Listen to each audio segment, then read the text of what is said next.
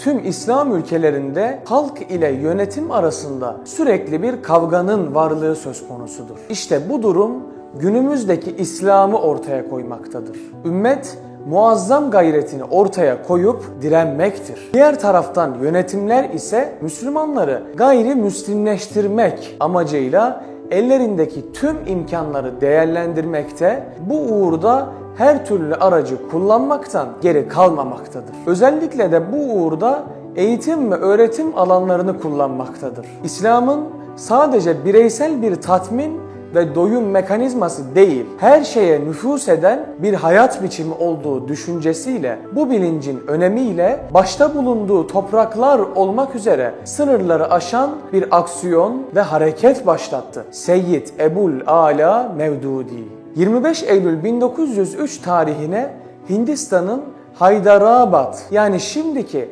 Maharashtra eyaletine bağlı Evrengabad kasabasında dünyaya geldi. Kendisine büyük dedesi Ebul Ala'nın ismi verildi. Hazreti Hüseyin'in soyundan geldiği için Seyyid Ebul Ala olarak anıldı. Aslen Heratlı olup soyu Çiştiye şeyhlerinden Mevdudi Çiştiye ulaşmaktadır. Annesi Rukiye Begüm, Evrengzib zamanında Orta Asya'dan Hindistan'a göç eden Türk asıllı bir ailenin kızıdır. İlk öğrenimine avukat olan babası Seyyid Ahmet Hasan'dan Farsça, Urduca, Arapça, mantık, fıkıh ve hadis dersleri alarak başladı. 1914'te Batı tarzında ve geleneksel İslami usule göre eğitim veren Medresetül Fevkaniye'nin 8. sınıfına kaydoldu. 1915'te ise ailesinin Haydarabad'a taşınmasının ardından eğitimini buradaki Darul Ulum'da devam ettirdi. Kısa bir müddet sonra babasının sağlığının bozulması üzerine okuldan ayrılıp ailesinin geçimine katkıda bulunmaya çalıştı. Eğitimine kendi gayreti ve çabasıyla okul dışında devam etti. 1918'de Delhi'ye taşınarak burada çeşitli dergilerde yazılar yazmaya başladı. 1919'da ise kardeşi Ebul Hayr ile birlikte Cebel Pur'da Kongre Partisi'ne yakın kişilerin çıkardığı Tac isimli haftalık gazetenin editörlüğünü üstlendi. 1920 sonlarında sömürge idaresini tenkit ettiği bir yazısından dolayı gazete kapanınca Delhi'ye geri döndü. 1921 yılı başlarında Cemiyeti Ulema-i Hind'in çıkardığı Müslim adlı gazetenin de editörlüğünü yaptı. Cemiyetteki bir seri yazısı El Cihad fil İslam adıyla kitap haline getirildi. Bu yazılarında Hinduizm, Budizm, Yahudilik ve Hristiyanlıktaki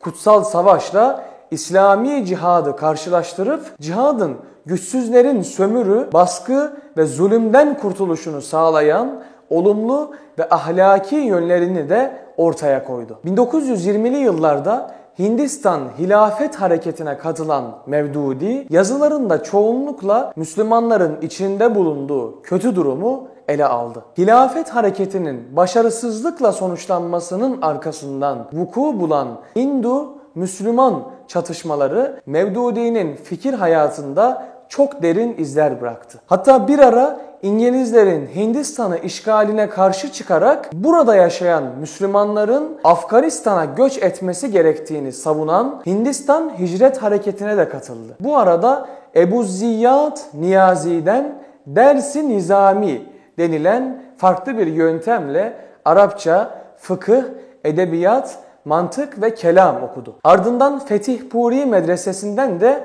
icazet aldı. Ayrıca İngilizce de öğrendi. 1928'de Haydarabad'a geri dönen Mevdudi 1932'de ise Tercümanül Kur'an dergisinin editörlüğünü üstlendi. Bu dergi Mevdudi'nin vefatına kadar onun fikirlerinin yayılmasında önemli bir işlev gördü. 1938'de Muhammed İkbal'in daveti üzerine Pathango'da bağlı Cemalpur köyüne gidip bir eğitim ve araştırma kurumu olarak düşünülen Darül İslam'ın kuruluşunda görev aldı. Bu merkezde ilmi çalışmaların yanı sıra siyasi faaliyetlerde de bulunmak isteyince vakfın kurucularından bazılarıyla arası açıldı. 1939'da Darül İslam'ı bırakarak Lahor'a yerleşti. Mevdudi 1930'lu yılların sonlarında Hindistan'ın bütünlüğünü koruyarak İngiliz işgalinden kurtulmasını savunan D.U. Band merkezli Cemiyeti Ulema-i Hind'in Hint milliyetçiliği tavrına karşı çıktı. Öte yandan Müslümanların bağımsız bir devlet kurmasını savunan Muhammed Ali Cinnah'ın öncülük ettiği Hindistan Müslümanları Birliği'ne de İslami esaslara yeterince hassasiyet gösterilmediği gerekçesiyle mesafeli durdu. Böylece her iki grupla da fikir ayrılığına düşen Mevdudi yeni bir hareket başlatmaya karar verdi ve kendisiyle benzer düşünceleri paylaşanları toplantıya çağırdı. Toplantıya katılan 75 alim ve aydınla birlikte 25 Ağustos 1941'de Lahor'da Cemaati İslami teşkilatını kurdu. Başkanlığına da kendisi seçildi. 1942 tarihinde teşkilatın merkezi Pathankod'a taşındı. 19 Nisan 1945'te ise Pathankot'taki Darul İslam'da Hindistan çapındaki 800 delegenin katıldığı genel kurul toplantısında yaptığı konuşmada İslami hareketin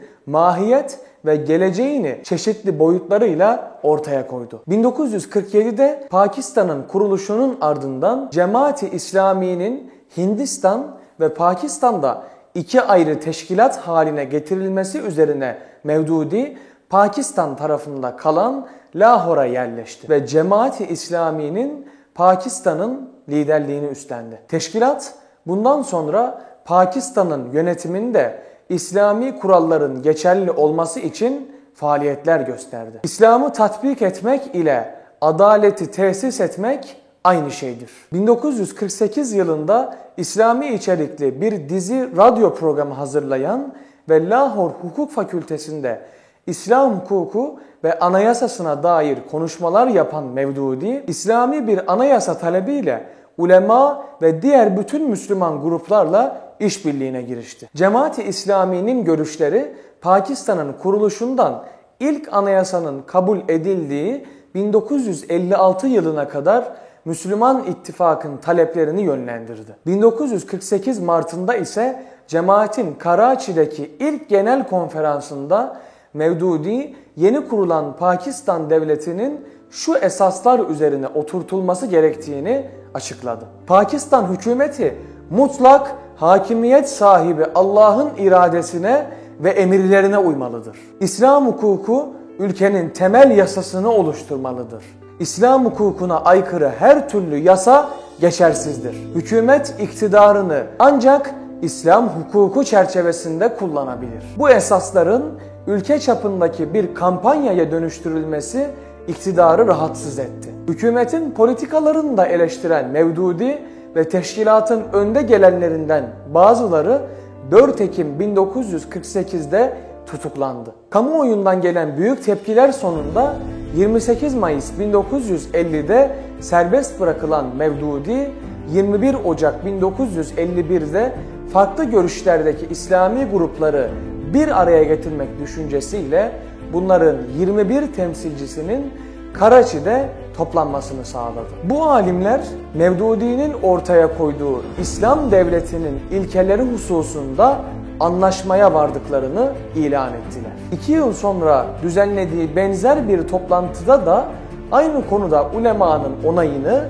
ve desteğini aldı. Siz bir Müslümanın ahlak ve karakterini iyice kavrarsanız bir Müslümanın hiçbir zaman dünyada rezil, mahkum ve mağlup olarak yaşamayacağına yürekten inanırsınız. Bir Müslüman her zaman galip ve hakim olarak yaşar. Çünkü İslam'ın onda yaratmış olduğu özellikleri hiçbir güç bastıramaz. Bu sözleri asla boşuna değildi Mevdudi'nin. Çünkü bu doğrultuda bir hayat sürmekteydi. Allah'ın kendisine bahşettiği Müslümanlık nimetinin hakkını verebilmek için hiçbir zaman yerinde durmadan en çok ilimle ve hareketle Allah'ın rızasını kazanmaya büyük gayret gösteriyordu. Sürekli öğreniyor ve öğrendikleriyle amel etmeye ciddi çaba gösteriyordu.